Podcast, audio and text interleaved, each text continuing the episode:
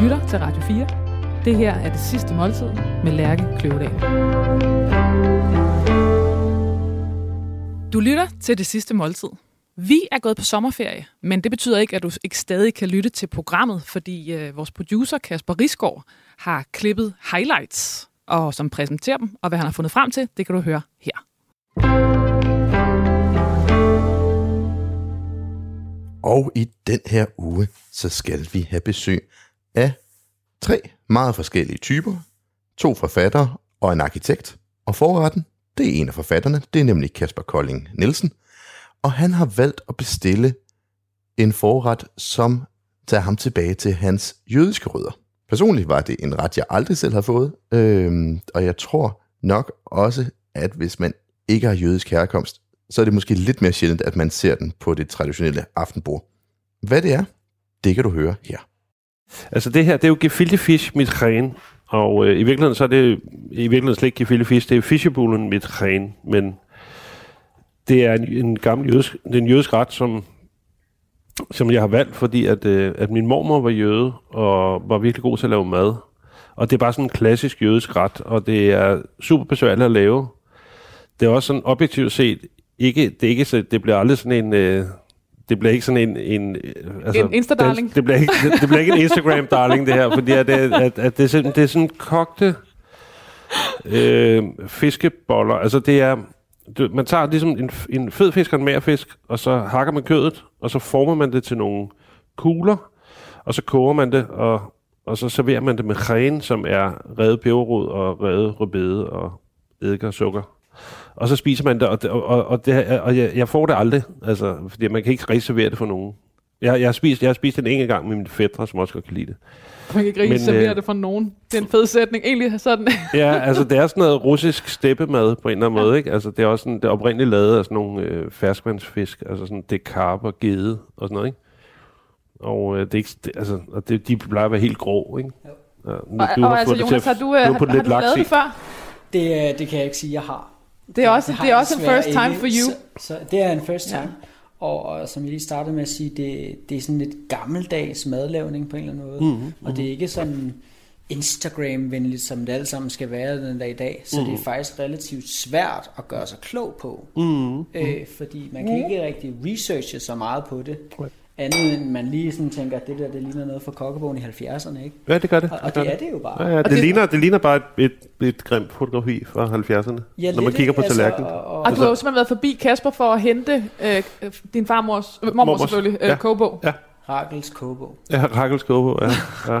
Fedt. Simpelthen. Ja. Så det er, det er simpelthen sådan uh, garneret, hedder det, når man lige pynter det lidt af med noget, med en skive af ja. en kogte gulerod, som har været i fiske. Ja, og, det, og det er bare obligatorisk. Altså, altså hvis du ser på sådan noget opskrifter på gefilte fisk. Det hedder gefilte fisk, fordi oprindeligt så øh, kogte man kødet, så puttede man det tilbage i fisken, og så videre. Det, det, det er så for klamt til, at man kan. det, altså. Og så drikker vi... Og så har vi fået et glas hvidvin til.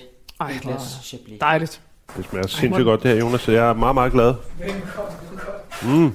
Din mor var jøde? Mm, ja. Eller hvorfor var din mor ikke jøde, hvis din mormor var? Fordi det følger primært med. Ja, men det er hun også, og det er sådan set også jo formelt set på en eller anden måde, men jeg er bare ikke opvokset jødisk. Altså min,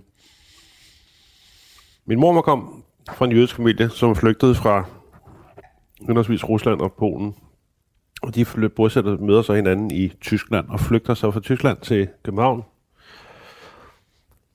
Og så, øh, ja, så de bor på Israels plads. Og simpelthen, ja. Simpelthen, ja og, og som var et fattigt sted der, de var fattige og sådan noget, så, øhm, øh, så flygter min mormor i 43 til Lund. Hans lillebror og lillesøster flygter også. Sådan en rimelig dramatisk flugt. Og så øh, er hun bor i flygtningelejr i, i Lund, om, hvor hun så møder min morfar, som også er flygtet, fordi han, han var modstandsmand. Han, øh, han var en af de første modstandsmænd i Danmark, fordi han samlede våben i Rolskov, han fra Aalborg.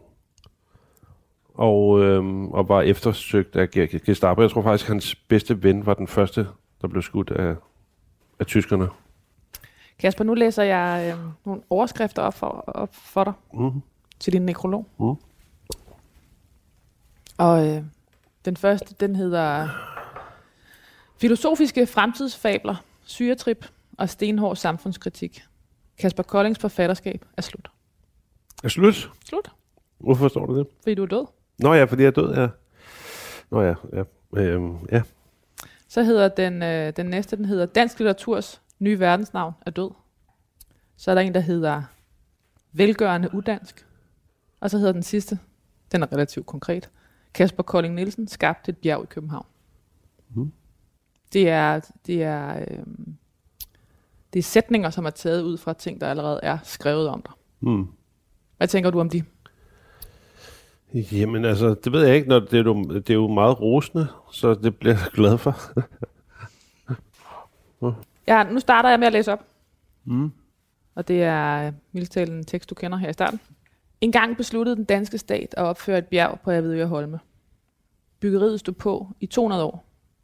Da bjerget var færdigt, var det 3.500 meter højt, havde en omkreds på 55 km og et samlet overfladeareal på 590 kvadratkilometer, svarende til 118.000 fodboldbaner, eller hele, hele Bornholm og lidt til.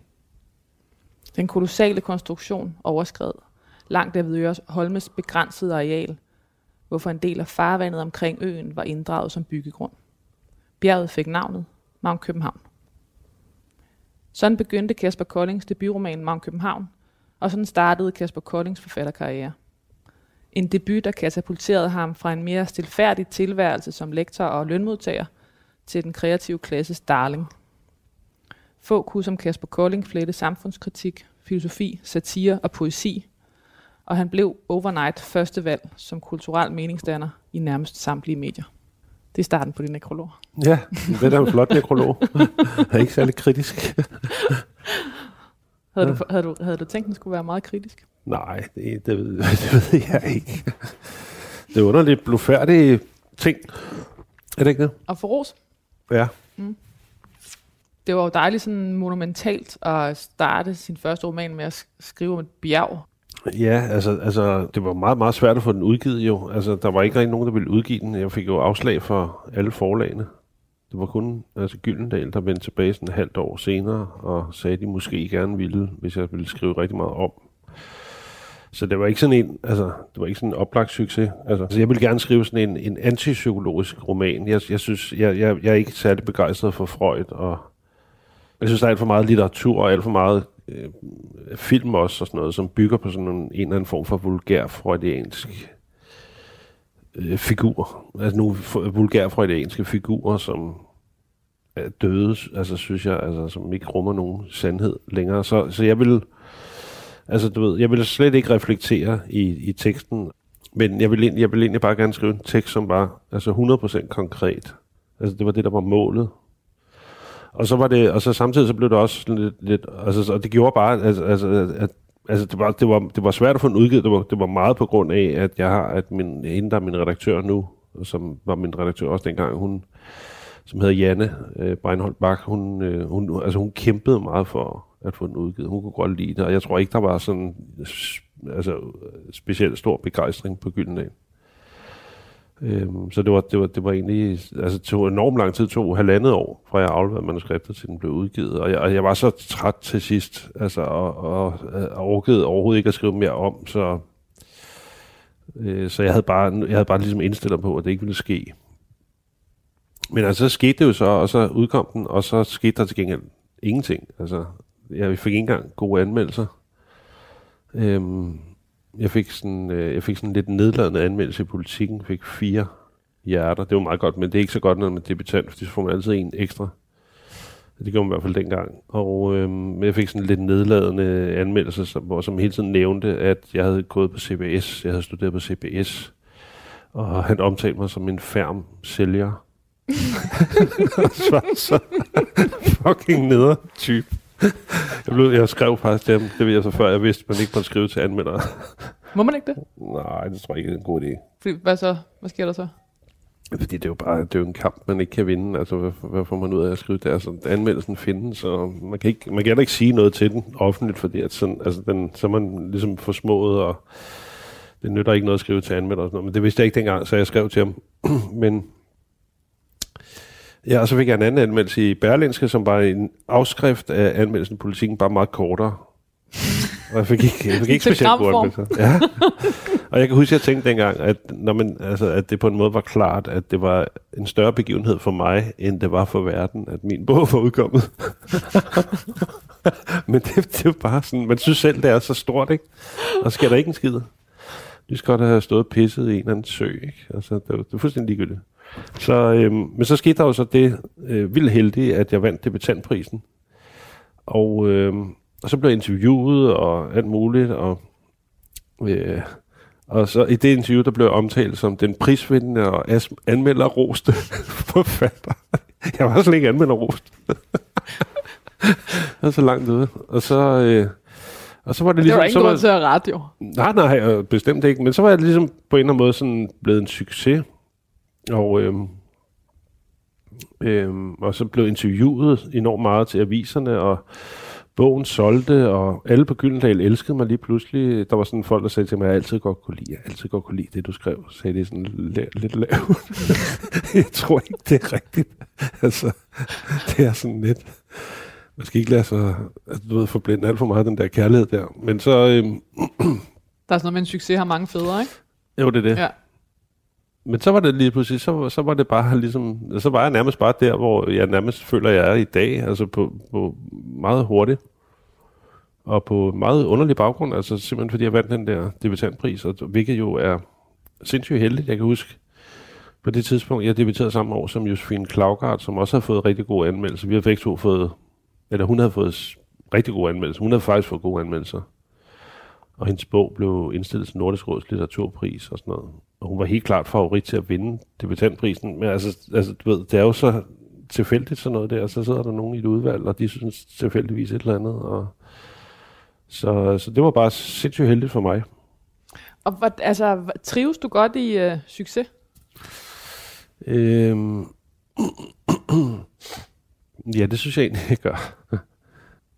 Har du haft sådan en forfatter, øh, sådan øh, romantik omkring, du ved, øh, så, at, du ved, så sidder man, øh, og så ender man på byens kro, hvor man finder andre ligesindede, og så, Ja. altså, er der, altså, på papiret er den romantiske forfatterdrøm jo ret svær at øh, kombinere med det der helt almindelige liv med små børn og sådan noget. Altså, har der, været, har, har, der også været et billede i, i øh, den der forfatterdrøm, du godt kunne lide? Nej, ikke, ikke på den måde, fordi jeg, jeg, jeg, jeg hader den der kunstnermyte der. Jeg synes, det er, jeg synes den er så irriterende og øh, altså, så forkert og, og helt vildt skadelig og sådan noget. Men altså, jeg har jo gået i, rigtig meget i byen og sådan noget. Det er ikke det, men det er bare med, altså, det der med, at det på en eller anden måde, at det er noget kunstner gør. Altså, det, det synes jeg er, er noget pjat. Eller, at det er sådan en skadelig, underlig figur. Altså, jeg, så, jeg kan huske, jeg så sådan et dokumentarprogram om Dirk Passer og nogle af de der gamle folk der på, var det på ABC-teateret, der fandt de var, ikke? Og, og de drak bare hver aften, og døde alle sammen, vildt unge, og jeg kan huske, at jeg sad og tænkte på det, så, så sad jeg bare og tænkte, det var, det var da synd for dem, at der ikke var nogen, der fortalte dem, at de ikke behøvede det. Altså, det var som om, at det hjem. hørte med til, altså, du kunne sagtens du kunne sagtens gå hjem, du behøvede ikke at drikke dig stiv på en tirsdag, altså, øhm, men det, det var som om, at det fulgte ligesom med dengang, og det var ligesom sådan, man gjorde. Det hørte, hørte med til at være skuespiller på en eller anden måde, og jeg tror slet ikke på det der med at øh, drikke sig stiv hele tiden, og tage stoffer hele tiden. At det, det, altså, jeg, jeg, det ved ikke, jeg, jeg synes, det er latterligt, det der. Og, øh, så, men det er en anden ting, jeg synes, der er, en, der, er, der er sådan en anden ting ved det at være forfatter, som jeg tror, jeg gerne ville. Og det var, at øh, jeg kan bare huske, jeg var lige, øh, jeg havde været, øh, efter jeg debuterede der, efter jeg vandt debutantprisen, så var jeg inviteret til sådan et arrangement i Tyskland, hvor der var sådan en masse andre forfattere fra Europa, som også har vundet debutantpriser, og så var der sådan nogle redaktører og sådan noget. Og så var der sådan en tysk redaktør, som var interesseret i min bog, og han ville måske udgive den, når han kom fra Tysklands næststørste forlag og sådan noget. Og så blev jeg inviteret hjem til middag hos ham, sammen med nogle andre, og så endte jeg med at sidde sammen med ham og en ungarsk forfatter, digter, sådan til sent på natten. Og så sagde ham der, Wolfgang der, ham tyskeren, han sagde, ja, men jeg, måske vil jeg gerne udgive din bog, men jeg ved ikke rigtigt, det er dig eller en anden. Det er sådan. Og så sagde ham, digteren der, sagde udgiv nu Kasper, han er jo sød fyr og sådan noget. og så, øh, men så endte det med, at han så ikke udgav mig. Du var ikke, du var ikke en sød nok fyr. Nej, nej, men whatever, altså, men, øh, men så, kan- jeg kan bare huske ham der, den ungarske digter der, han var oversat til 20-30 sprog eller sådan noget. Og så boede han i Rom. Hans, hans børn flyttede hjemmefra, så boede han havde en lejlighed i Rom, han havde en lejlighed i Berlin, og så havde han en lejlighed i Chicago. Og så skrev han lidt rundt omkring. Og, altså, det var bare den der... Jeg kunne bare, jeg kunne bare, jeg kan bare huske, at jeg sad der, så kunne jeg bare mærke den der uafhængighed, som bare noget, som var helt vildt dragende, det der med, at man ikke behøvede noget, eller nogen, men at man bare kunne, altså, altså hvis man bare havde en, en blyant og et stykke papir, så kunne man ligesom være hvor som helst i verden.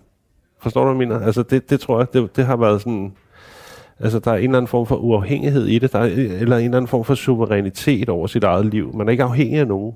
Altså, øhm, og man er på en eller anden måde sådan fri, på en eller anden måde. Det, det tror jeg har betydet, det, det tror jeg har været en del af min drøm. Det kunne, jeg kunne i hvert fald virkelig mærke det der, det tænker jeg, det, det ville jeg virkelig gerne, det der. Så det var ligesom, det var ligesom hele, øh, altså det var det, der, det var, det var, det der var det dragende omkring at kunne skrive, det var friheden i virkeligheden. Ja, altså hvis du spørger på den måde, fordi udover det, så er det så også selve det at skrive, ikke? Altså der er jo en grund til, at man, man ligesom gør det, det er jo fordi, man synes, det er sjovt at skrive, ikke? Men, øhm, Men det er også noget med, at det er et liv, et andet, en anden type liv. Ja, det er et andet type er- liv, og så, så, så er der også nogle andre ting i det, som jeg har tænkt over siden, som... Jeg kan huske, øh, Søren Ulrik Thomsen, han skrev et, øh, han har skrevet en digt sammen, der hedder Det skabte svaklen, hvor han siger, at hvor han beskriver sig selv, går ud fra, han skriver, at da han var 17 år, så ville han gerne være forfatter. Faktisk så så han sig selv som forfatter. Og så sagde han, at det var, altså det var på en eller anden måde praktisk, fordi han, så hvis han blev fyret fra sit job, eller blev dumpet af en pige eller sådan noget, så var han ikke bare en eller anden, der var blevet dumpet af en pige, så var, så var han forfatteren, Søren Ulrik Thomsen, som var blevet dumpet af en pige, og nu gik i regnen på en eller anden måde. Ikke? Og det, det betyder for mig, sådan jeg forstod det, det var, at, at så, bliver, så hvis du ligesom er forfatter, så bliver alting også stof. Mm. Alting bliver forvandlet til indhold. Ting er ikke bare noget, der sker. Det, det er noget, du kan bruge. Det bliver indhold. Altså, det, ting er ikke dårlige ting, er ikke bare noget lort. Det, det, er, det er stof, du kan anvende i din litteratur.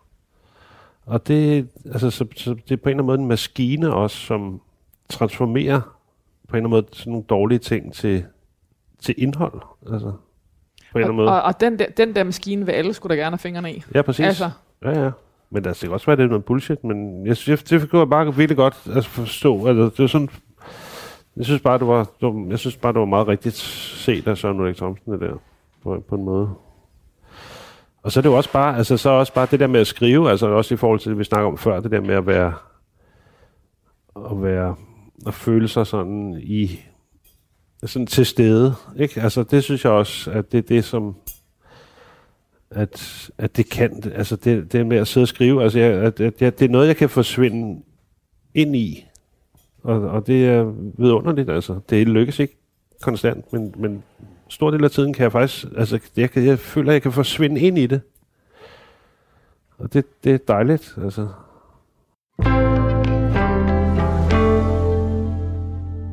Og fra Kasper Kolding og Gefilte Fish, så skal vi nu over til arkitekten Bjarke Engels. Hans sidste måltid var meget inspireret af det japanske, og især hovedretten, det er en af de lidt vildere af slagsen. Der var jo nemlig krav til, at Jonas skulle ud og finde en helt bestemt sten og en helt bestemt slags kød også. Og der er jo nogle af de her retter i det sidste måltid, hvor man godt selv kan blive inspireret og tænke, det kan jeg godt lave hjemme i køkkenet. Og den her hovedret, det er nok desværre ikke en af dem. Men hvad den helt præcis består af, det får Jonas selv lov til at forklare. Ja. det, det, har, det har jo stået og, og, øh, det har jo stået og simret her ved siden af Jonas. Det har det nemlig. Det er vel nok også den første og eneste gang, vi har lavet noget tableside. Ja, det er rigtigt. Og øh, som vi snakkede så- om, ja. da Bjarke kom, man, man mangler virkelig at gå ud og spise, ikke? Jo, helt Så, så øh, vi har virkelig prøvet at lave det så meget som en, en, en lille restaurantoplevelse som muligt, ikke? Jamen, det er fedt. Vi holder os øh, i det japanske, og som du øh, kort siger, det er Wagyu. Øh, Wagyu er det her fantastisk marmoreret øh, kød fra, fra Japan, øh, og, og, så mange forbinder med også nogle forbinder det med kobekød.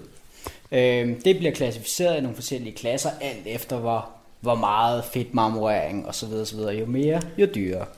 Og her har vi med at gøre noget, der hedder A4. Det, det det, det sådan- lyder højt op. Det er den næsthøjeste. Ja. Så det er... Øh, det, det er Så bare for at forstå, hedder, den- hedder den højeste så A5? Ja. Ja. Så, som Yes. udgangspunkt, ja. Mm.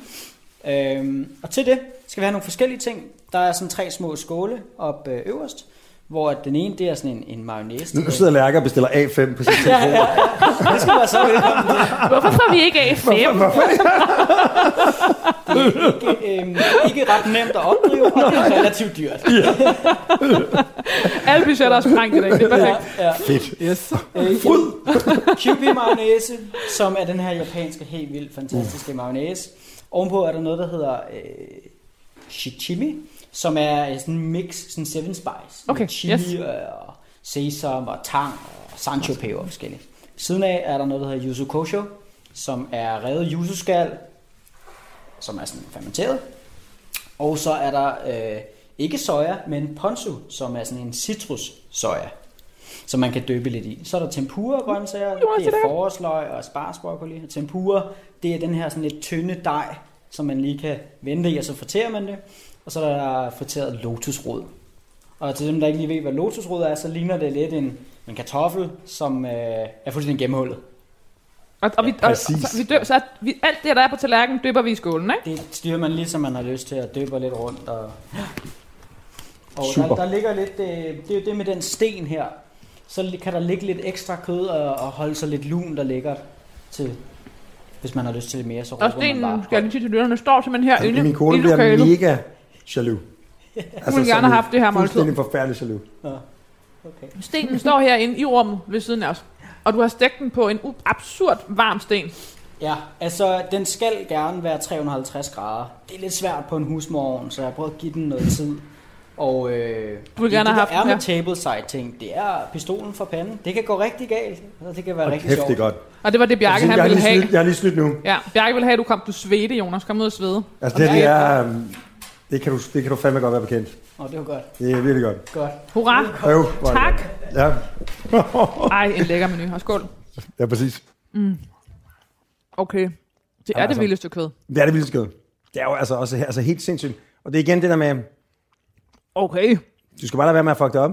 Bjarke, jeg læser lidt uh, videre på din nekrolog, mens du uh, kaster dig over det her fuldstændig froderen, uh, især kød. Kæft, hvor er det lækkert, mand.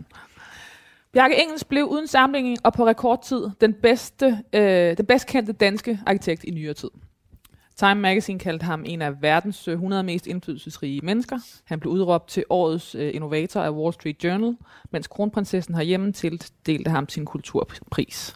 Han underviste på prestigefulde universiteter som Harvard, Yale, Rice og Columbia, og var æresprofessor på Kunstakademiet i København. Og i sin korte karriere byggede han mere og i flere lande, end de fleste arkitekter drømmer om at lykkes med på et helt liv. Bjarke Engels byggede ikke bare i hele verden, men ved sin død også med planer om at bygge på månen. Bjarke Engels selv havde bolig i øh, New York, i Barcelona og på en husbåd i København, og havde en naturstridig kalender, der bevægede sig over flere tidszoner, end hvad der synes menneskeligt muligt. Øh, det her med din... Øh, for det første, jeg ved slet ikke, hvor jeg skal starte. Altså, at, at være en af verdens 100 mest indflydelsesrige mennesker, altså det er jo nærmest, altså det er jo vidunderligt, men det er da også, altså hvordan fanden tager man det ind? Jamen, jeg, jeg tror, det er, fordi de er nødt til at få en arkitekt med. Ej, hvor øh, uvandt beskrivet. men altså, men først og fremmest, betyder det noget med de der med ordner på, på den her måde? Altså, er det, er det hvad, hvad gør det ved dig? Altså, jeg, jeg synes, den der altså, Time øh, 100, det synes jeg var ret fed, må jeg sige. uh, altså, altså, jeg tror... altså, dels så skal man ikke... Altså, det er klart, at som, uh, som, et voksen, som et voksen menneske, så prøver man jo ligesom at lade være med at være for yderstyret eller for defineret af ekstern validering. Uh, men Altså, det, det er sgu meget, altså også fordi, at du har fame også meget modgang, altså, og du får så meget skæld ud, og som de siger på engelsk, øh, øh, meninger er som røvhuller, alle har et. øh, og øh, så derfor så, så er det sgu meget fedt en gang imellem, at der er nogen, som man respekterer, øh, som øh, siger, at det, du var gang i, det er sgu fedt. Altså, det, det, det må man sige, det bliver man sgu aldrig for stor til. Øh, så... Mm, og det er jo klart, det kan også bruges til noget. Altså, det, det betyder sgu, det har sgu betydet noget, at, at altså, da jeg, flyt, jeg flyttede til New York for 10 år siden, eller, eller 11 år siden, og, øhm, og, og det har været godt, at, altså det har været produktivt at, at være velmodtaget. Um, Altså, det, og med det mener du, du kom med et renommé. Du, kom, du, du havde noget at stå på. Ja, men også ligesom, at um, Wall Street Journal hurtigt ligesom, altså, um, i 2011, der havde jeg ligesom boet i New York i et år.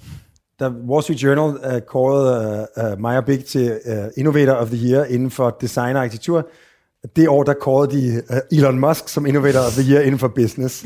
Så altså sådan, det var sådan relativt uh, tak for den uh, velkomst. Tak for velkomsten, ja. ja.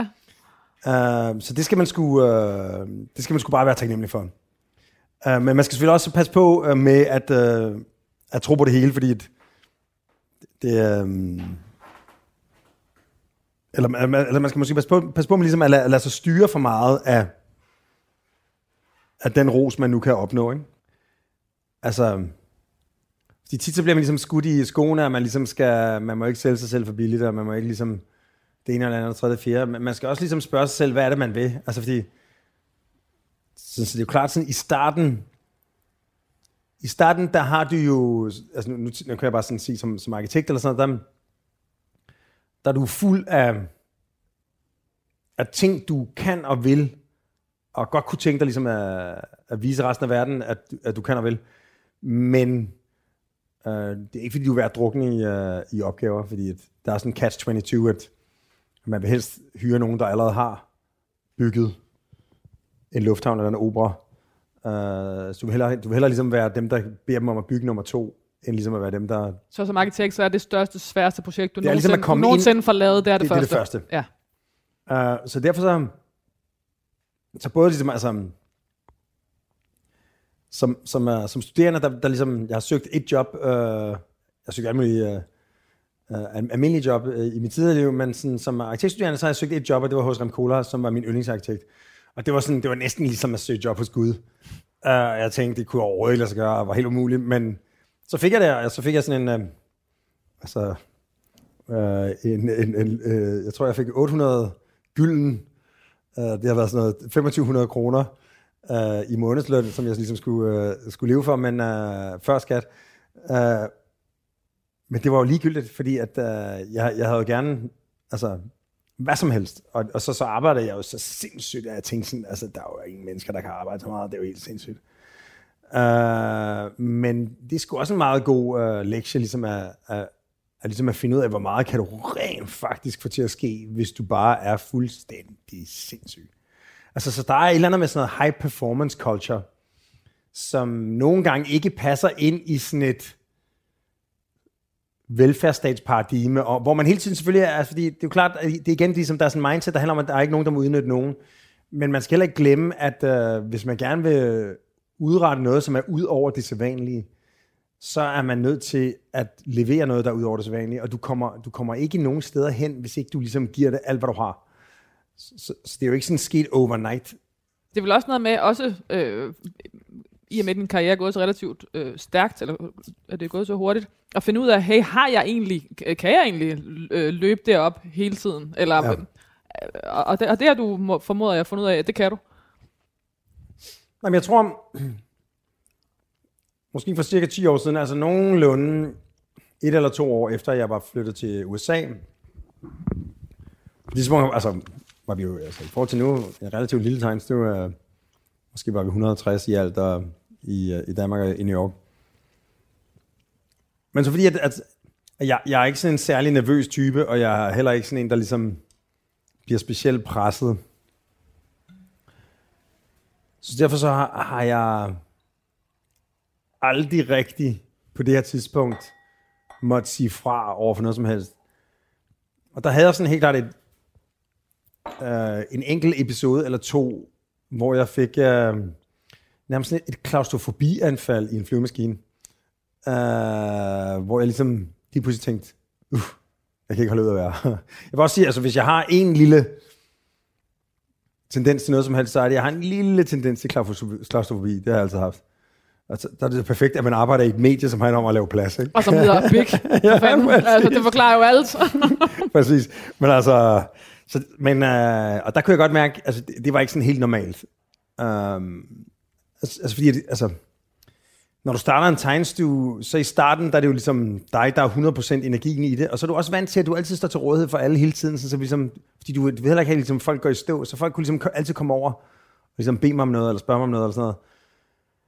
Og så på et eller andet tidspunkt kunne jeg bare mærke, at, at det var bare blevet sådan en, altså uholdbart, fordi hvis der hele tiden er nogen, der river i dig, øh, så bliver du altså bims til sidst. Så på den måde, så, så, så måtte jeg ligesom indføre sådan en ny form for disciplin om, at øh, hvis en situation lige pludselig blev for sådan intens, så, så gik jeg bare fra den. Øh, altså, så, så på den måde har jeg ligesom, altså, en gang imellem, har, at, er det bare blevet tydeligt, at hvis ikke du laver om på mekanikken, eller på den sociale interaktion og sådan noget. Det er også derfor, jeg tror, at tit har man sådan en idé om, at, uh, at, uh, succesfulde mennesker er arrogante, eller, eller, eller Det er jo fordi, det er jo klart, at uh, jo flere folk, der river i dig, jo mere bliver du nødt til ligesom at, at sige fra. Det må du snakke med en anden om, og det kan jeg ikke tage mig af. Og, ja, ja. Så, så man bliver nødt til ligesom at, uh, at, at, at uddelegere mere og mere militant, og du kan heller ikke ligesom bruge en halv time hver gang, at du skal forklare, at, at der er noget uddelegering, der skal ske, fordi så bruger du altid på det. Så, så, så derfor så, så, så, så opstår der selvfølgelig jo mere, øh, altså hver gang du ligesom at, at tingene udvikler sig på den måde, så, så er du nødt til ligesom at acceptere, at nu er vi simpelthen bare nødt til at gøre tingene lidt anderledes, end vi plejer at gøre.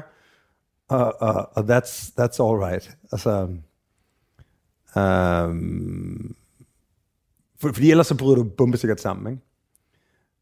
Um, og så tror jeg, så, så har jeg sådan løbende taget sådan en time-out, eller dengang, hvor vi tog til Japan.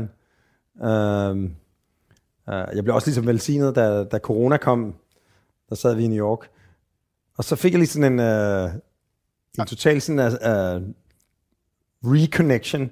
Og det sjove var for eksempel, at min søn, han gik sine første skridt, første dag i uh, karantæne. Uh, så, så jeg ligesom, og jeg ligesom var sammen med ham ligesom hver dag i de næste mange måneder.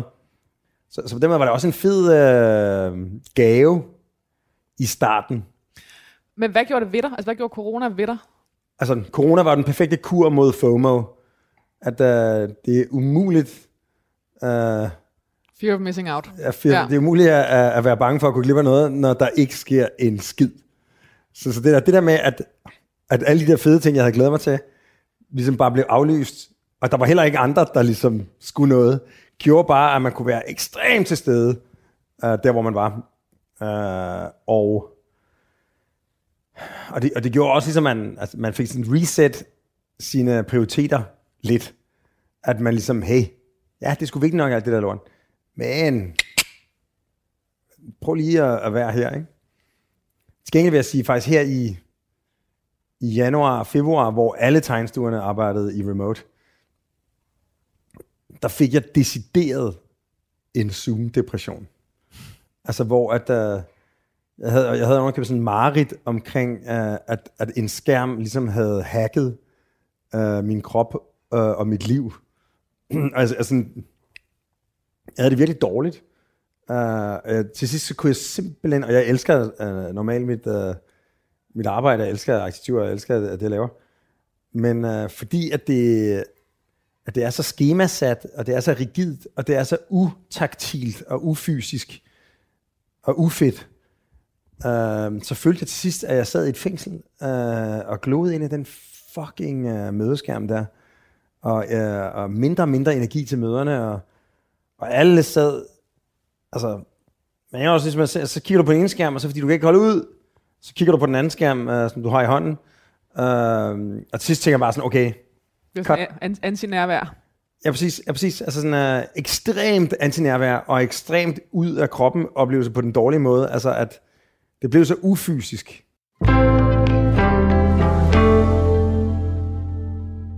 Du lytter til et highlight af det sidste måltid, og det gør du jo fordi, at vi er på sommerferie.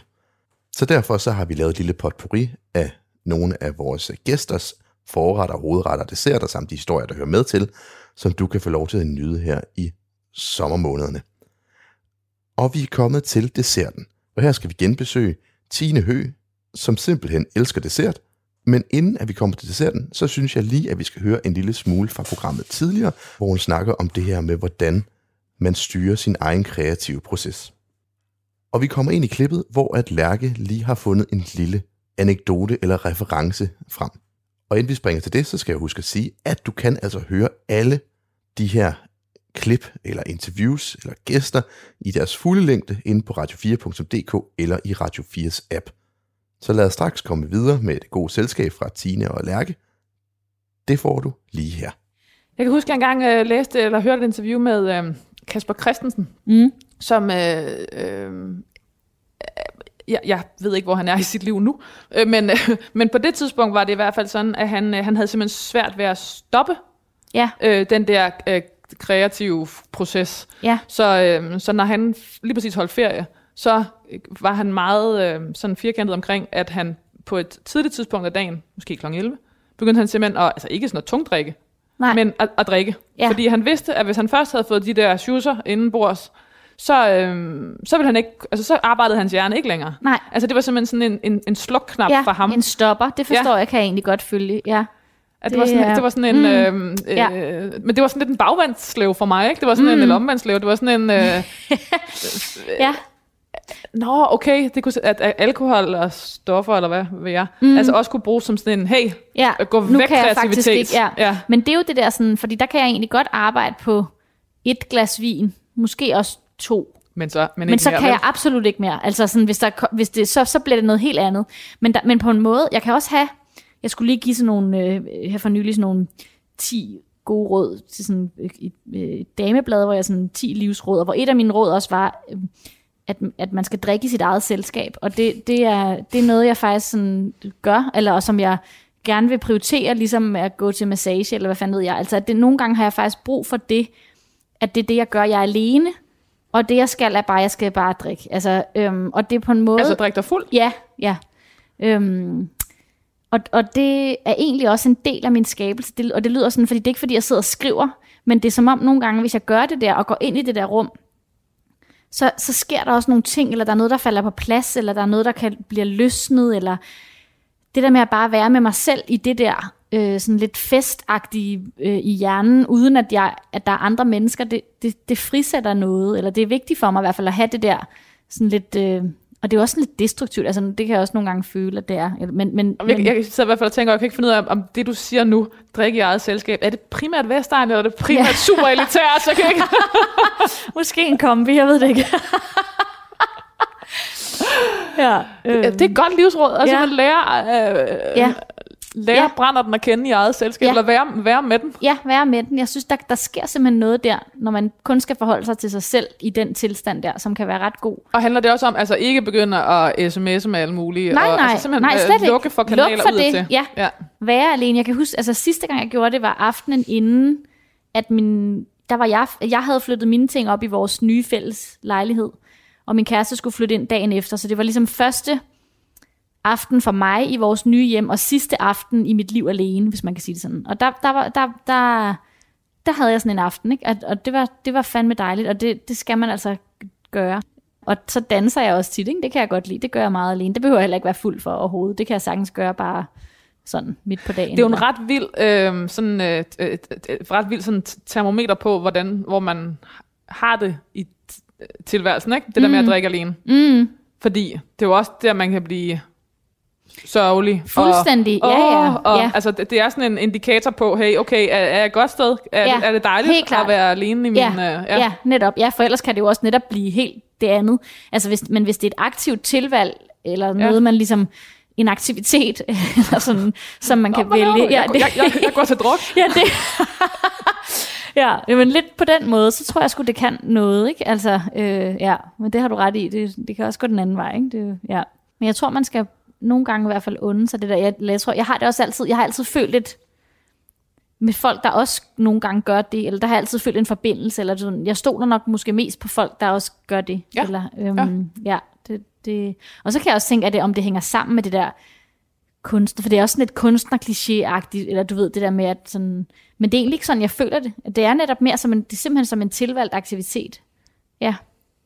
Det jeg hobby. klart ja, ja. Nu, nu tror jeg i det hele taget, jeg synes, jeg er lidt for lidt alene i det hele taget. Ja, og det er jo det. Jeg er, jo Ja. også, nu har jeg, er det jo heller ikke sket efter. Altså nu, så bor vi jo sammen nu, og der er nogle børn, og der er noget. Altså, så det er jo også det med at finde ud af, hvordan skal det ligesom kunne, hvis man gerne vil det en gang imellem. Ja, fordi hvordan skaber man det rum? Fordi der er bare mm. stadig noget med, i hvert fald som kvinde, givetvis også som mand, mm. og hvis man sådan går, på rest, altså går ud og drikker, det kan man jo dårligt nok, det er jo imod hele præmissen. Mm. Så man Ja. skal finde et rum, man kan blive fuld i alene. Ja, eller det kan, man kan jo også godt sidde ude på et sted, hvis man ligesom bare er i sit eget selskab, så gør det mig egentlig ikke noget, at der er Nej. summen af, det er mere det med, at du ikke er socialt forpligtet. Ja. Øhm, det er ligesom jeg for eksempel heller ikke, jeg kan godt skrive på en café, hvor der er masser af larm omkring mig, men det er alligevel jo mit eget rum. Men jeg kan ikke skrive, hvis jeg øh, sidder øh, ved et bord, hvor der er en anden, jeg kender, der sidder også og skal arbejde. Altså det forstyrrer mig helt ekstremt. Øh, men det der med, hvis, hvis baggrunden er sådan et mylder, så kan jeg sagtens være i mit eget rum samtidig. skaber en boble i det. Ja, ja, ja. Okay, Tine. Nu Ja. skal, nu, øh, nu, vi- nu skal vi videre. ja. øhm, Tine Høgh var uddannet kant med i dansk og filosofi og debuterede med romanen Nye Rejsen i 2017. Hun tog arbejde som gymnasielærer på Handelsgymnasiet i Næstved, mm. hvor hun stadig kunne skrive ved siden af jobbet. Mm. Øh, på gymnasiet startede Tine Høgh på eget initiativ et skrivehold for sine elever. Ingen eksamener, ingen lektier. Eleverne skulle bare møde op og skrive ud fra de idéer, hun fandt på. Rektor advarede hende inden og mente, der ikke øh, ville være, ikke ville være stor tilslutning, men kurset kørte tre semestre i træk med alle pladser optaget. Hver gang kurset var færdigt, udgav Tine Høgh en bog med deres tekster og holdt udgivelsesreception for at fejre det, de havde skabt sammen. Ej, jeg lyder sgu da meget fed der, var. Det lyder sgu da meget fedt der. altså, kæmpe overskud. Ja. Ej, det er sjovt at høre sig selv beskrevet på den, på den måde. Ja. Øh, og især nu du er død. Mm, jamen, det er jo det, ja. Øh, Jeg tror, jeg har taget den her del med, fordi at øh, jeg tænker, du jo ikke har, du ikke har gået på forfatterskolen. Nej. Altså, du har, øh, jeg gætter på, at den her måde at skrive, øh, og, og fået andre til at skrive, er en måde, du Ja. øh, har lært dig selv. Ja, altså det der med at få sådan et fællesskab med andre, der skriver, har været meget afgørende, tror jeg, for at det lykkedes for mig at blive forfatter, fordi jeg jo netop har haft, og det, men det er også rigtig taknemmelig for, at jeg har haft et, en helt anden tilværelse, altså det der med at være gymnasielærer, have et fast job, og have, altså det, det var absolut ikke det, jeg skulle, og der var alle mulige ting ved det, jeg synes, der var svære og forfærdelige, men også noget, der var godt, men jeg er glad for den erfaring.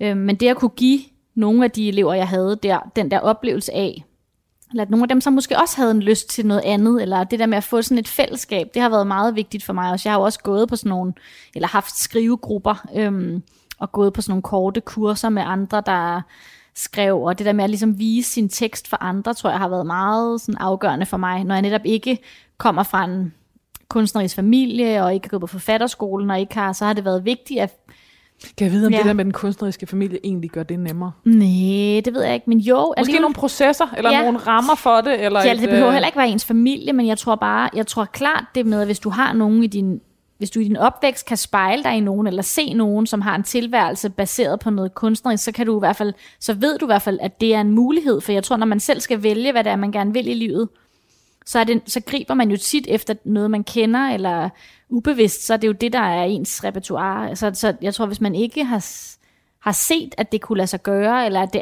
at det er sådan, så, så tror jeg måske, det, så skal der et eller andet til for, at man, så skal man virkelig have, hvilket jeg jo heldigvis også har haft, men en drift, som ligesom alligevel hiver en et andet sted hen, end, ja. Men jo jo, så kan det, tror jeg også, hvis man kommer fra en kunstnerisk familie, kan det jo også sætte alle mulige barriere og skabe en masse, altså det er slet de, ikke sådan, de at store, de store hedder det, Fuldstændig. sko, man skal fylde ud, eller ja, hvad det ja, ja. Så det kan også ja. være en modstander, tror jeg. ja. Det, det tror jeg helt klart. Ja. Men det var i hvert fald dejligt for mig, og, men det var også det, jeg kunne mærke, altså ved at være gymnasielærer, der var så mange, det var ikke det, jeg skulle, der var så mange ting i det, som også var sådan, åh, jeg havde jo også lyst til, jeg havde altid lyst til at gøre noget af det, man ikke måtte, altså som lærer. Der var så mange regler, man skulle være så ordentlig på en eller anden måde, og det, man skulle leve op til krav, og man skulle øh, Normsystem, Ja. normtimer, Jamen, norm, sådan præcis, noget. Alt ja. meget norm. Ja, og jeg havde altid lyst til, men jeg kunne virkelig, altså jeg havde altid lyst til at gøre noget andet, men jeg kunne sindssygt godt lide det med at tale med de unge mennesker, og alt hvad de kunne, var jeg jo helt på røven over, og alt den energi og kræfter, der lå i dem. Og det elskede jeg ligesom at kunne, men jeg havde altid lyst til, at vi skulle få det et andet sted hen, end det, der var øh, dagsordenen for timen, eller, du ved, eller jeg havde i hvert fald altid lyst til at gå med det, hvis der skete noget, der gik i en anden retning.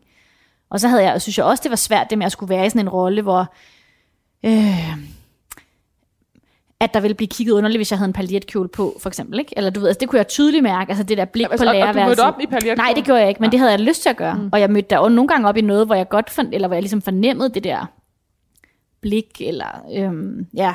Og hvis der var gymnasiefester, havde jeg jo også altid sådan ekstremt lyst til at gå ud på det dansegulv, for eksempel. Ikke? Men det går jo ikke. Det går jo ikke. Ikke fordi jeg havde lyst til at danse med dem, jeg havde bare lyst til at danse. Men det, hvorfor går det ikke? Men det kunne også være det her, det, det, at det havde gjort det. Jeg tror da også, hvis jeg skulle lige have et halvt år på gymnasiet, nu tror jeg sgu da også, jeg ville gøre det.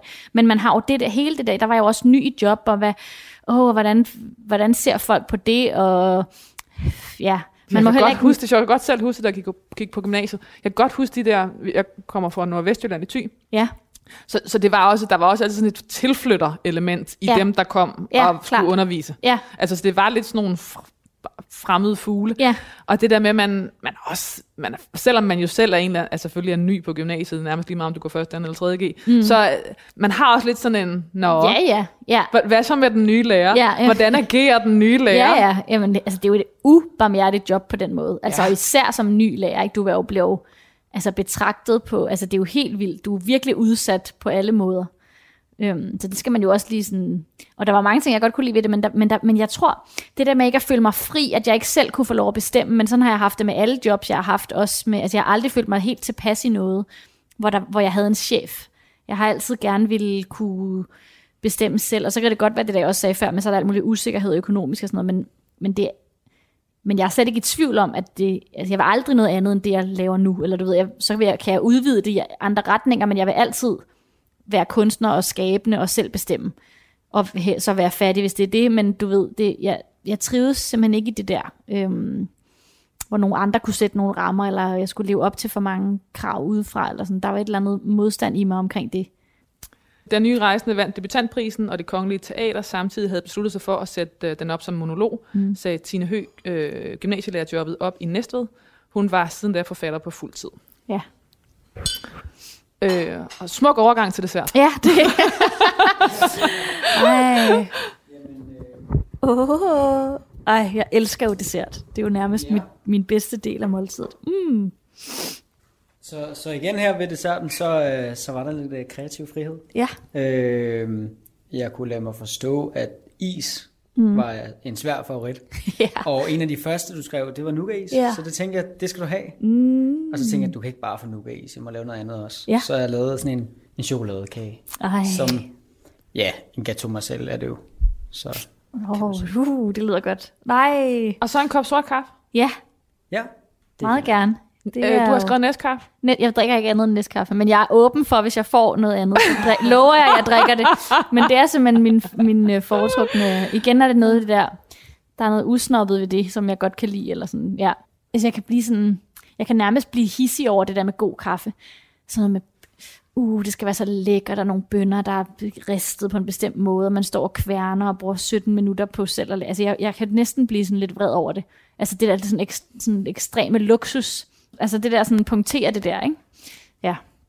Jeg tror bare, det er nogle gange en, åh, hvis jeg, kan, hvis jeg er i noget, hvor det, som man jo nogle gange godt kan, alt skal være, alt skal være så lækkert, eller en bolig skal være så, alt skal være sådan, uh, det der sådan helt, hvor man ikke kan, jeg, hvor jeg føler mig kvalt i det, eller jeg ved ikke om det, jeg ved ikke Altså, hvorfor. hvad, hvad er det, det puster til? Jeg ved det ikke. Jeg, har vir- jeg, jeg ved det simpelthen ikke. Men det er, det er altid i hvert fald en eller anden lyst til at øhm, sætte et rise i noget, eller punktere det, som puster sig op. Jeg tror, det er det, der er... Og, altså, og det, det handler det om et underskud, om ikke selv at kunne leve op til det? Eller er der, nej, er der, nej, det tror jeg egentlig ikke. Fordi det, det vil jeg, egentlig, jeg ville godt kunne gå med på de ting, hvis det var, og det kan, gør jeg jo nogle gange også, men, men samtidig synes jeg også, at jeg hele tiden ser det lidt udefra. Eller sådan, jeg, måske er det lidt den samme følelse, jeg kan have det der med, hvis jeg står til en eller anden digtoplæsning, eller noget, hvor sådan, jeg kan gå med det, men jeg kan også på en eller anden måde, hele tiden har jeg også det der blik på det udefra, eller, og jeg tror noget af det også kommer fra, altså, eller i hvert fald har jeg altid en lyst til,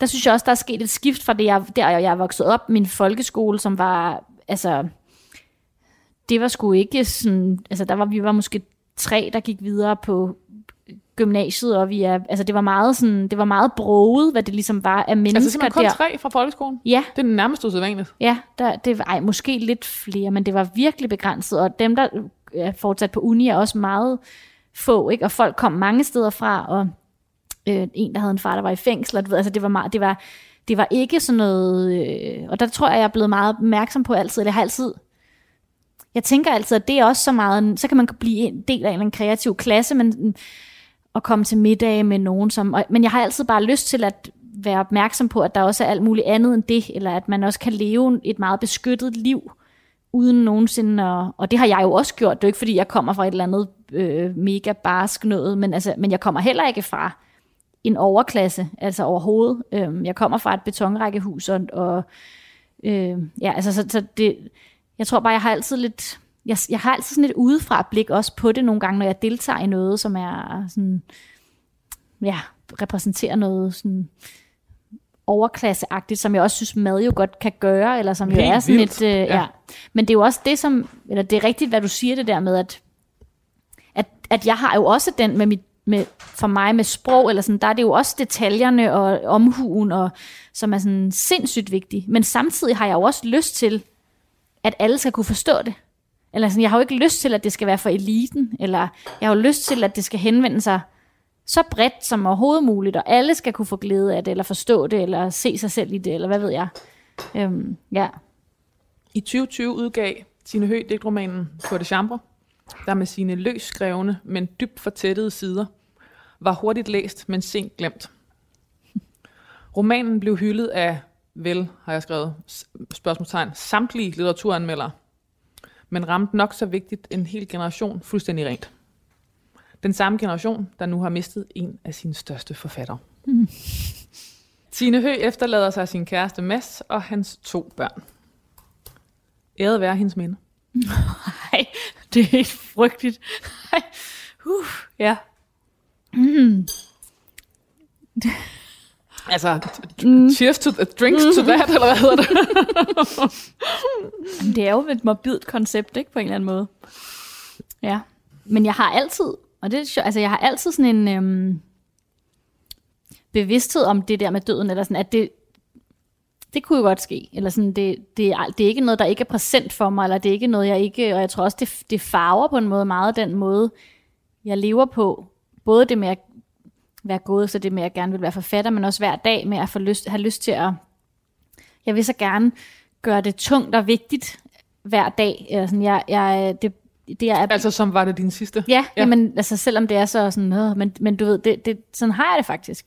Og jeg tænker altid tiden ind i, i alting, eller jeg har altid sådan en bevidsthed om tiden, der er gået, og tiden, der kommer, og ser også, altså hvad kan man sige, mange år oven på hinanden frem i tiden. Eller sådan, jeg, som om jeg, jeg synes, jeg altid har den der tidslighed som en del af, og også jeg er bevidstheden om, at det jo egentlig kan bare være slut, ikke, lige pludselig. Hvad skal der stå på din gravsten? Mm, jeg ved ikke, om jeg skal have en gravsten, faktisk. Det, det, er, det er jeg i tvivl om. Nu snakkede jeg lige med min mor her i forgårs. De skal beslutte, om de vil holde fast i hendes forældres. De har sådan en fælles, øh, hende og hendes søskende, øh, om de vil blive ved med at betale til, det, til den sten der. Og hun ligesom spurgte mig. Og jeg kan jo mærke, at jeg kan egentlig godt lide, at der er det sted, at jeg kan gå hen og ligesom stå, og så og når jeg er der, så tænker jeg på dem på en anden måde, og ser deres navne og årstal. Jeg synes, der er noget meget sådan håndgribeligt ved det, som jeg godt kan lide. Men der tror jeg også, jeg meget, tænker egentlig meget, med, hvis jeg skal tænke på det med mig selv, at der, der tror jeg, jeg vil lade det være helt op til dem, der skal... Ja, men min umiddelbare lyst er, at, at det skal jeg ikke have. Fordi jeg synes, det er, sådan, det er det underligt at, at binde mig til den sten, eller at sådan, mm. skulle man så kun kunne tænke på mig, når man stod der, eller der er et eller andet begrænsende i det, synes jeg. Øhm, så jeg ville egentlig hellere, at der, at der ikke var nogen, øh, og så ville jeg hellere, jeg ved sgu ikke, hvad folk så skulle gøre, men, ja, men, men egentlig tænker jeg, at jeg ikke skal have, Men hvad må gerne, kan, jeg så spørge om, hvad må gerne stå tilbage? ja, som noget, der ligesom, noget, der også i hvert fald peger fremad, altså noget, der også er lidt festligt.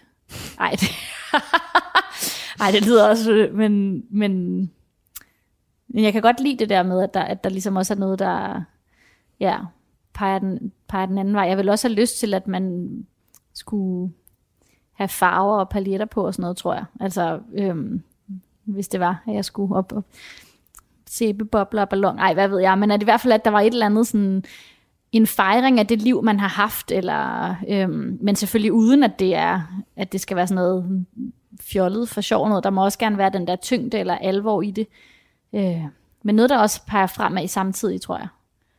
Selvom det er også frygteligt at sige omkring sig selv, fordi, eller sådan, øh, man, har, jo- man synes jo også, det er skrækkeligt, at nogen kan bare fortsætte livet, når man ikke er her mere, men det skal jo for fanden være sådan. Øhm, ja. Tine Høgh, uh, tusind tak, fordi du ville være min gæst i det sidste måltid. ja, men det var en stor fornøjelse. Du har lyttet til highlights på det sidste måltid. Vi holder sommerferie, men vi vender tilbage efter sommerferien. Og øh, indtil da kan du høre de resterende 91 programmer, som ligger på Radio 4's app, eller hvor du ellers henter dine podcasts.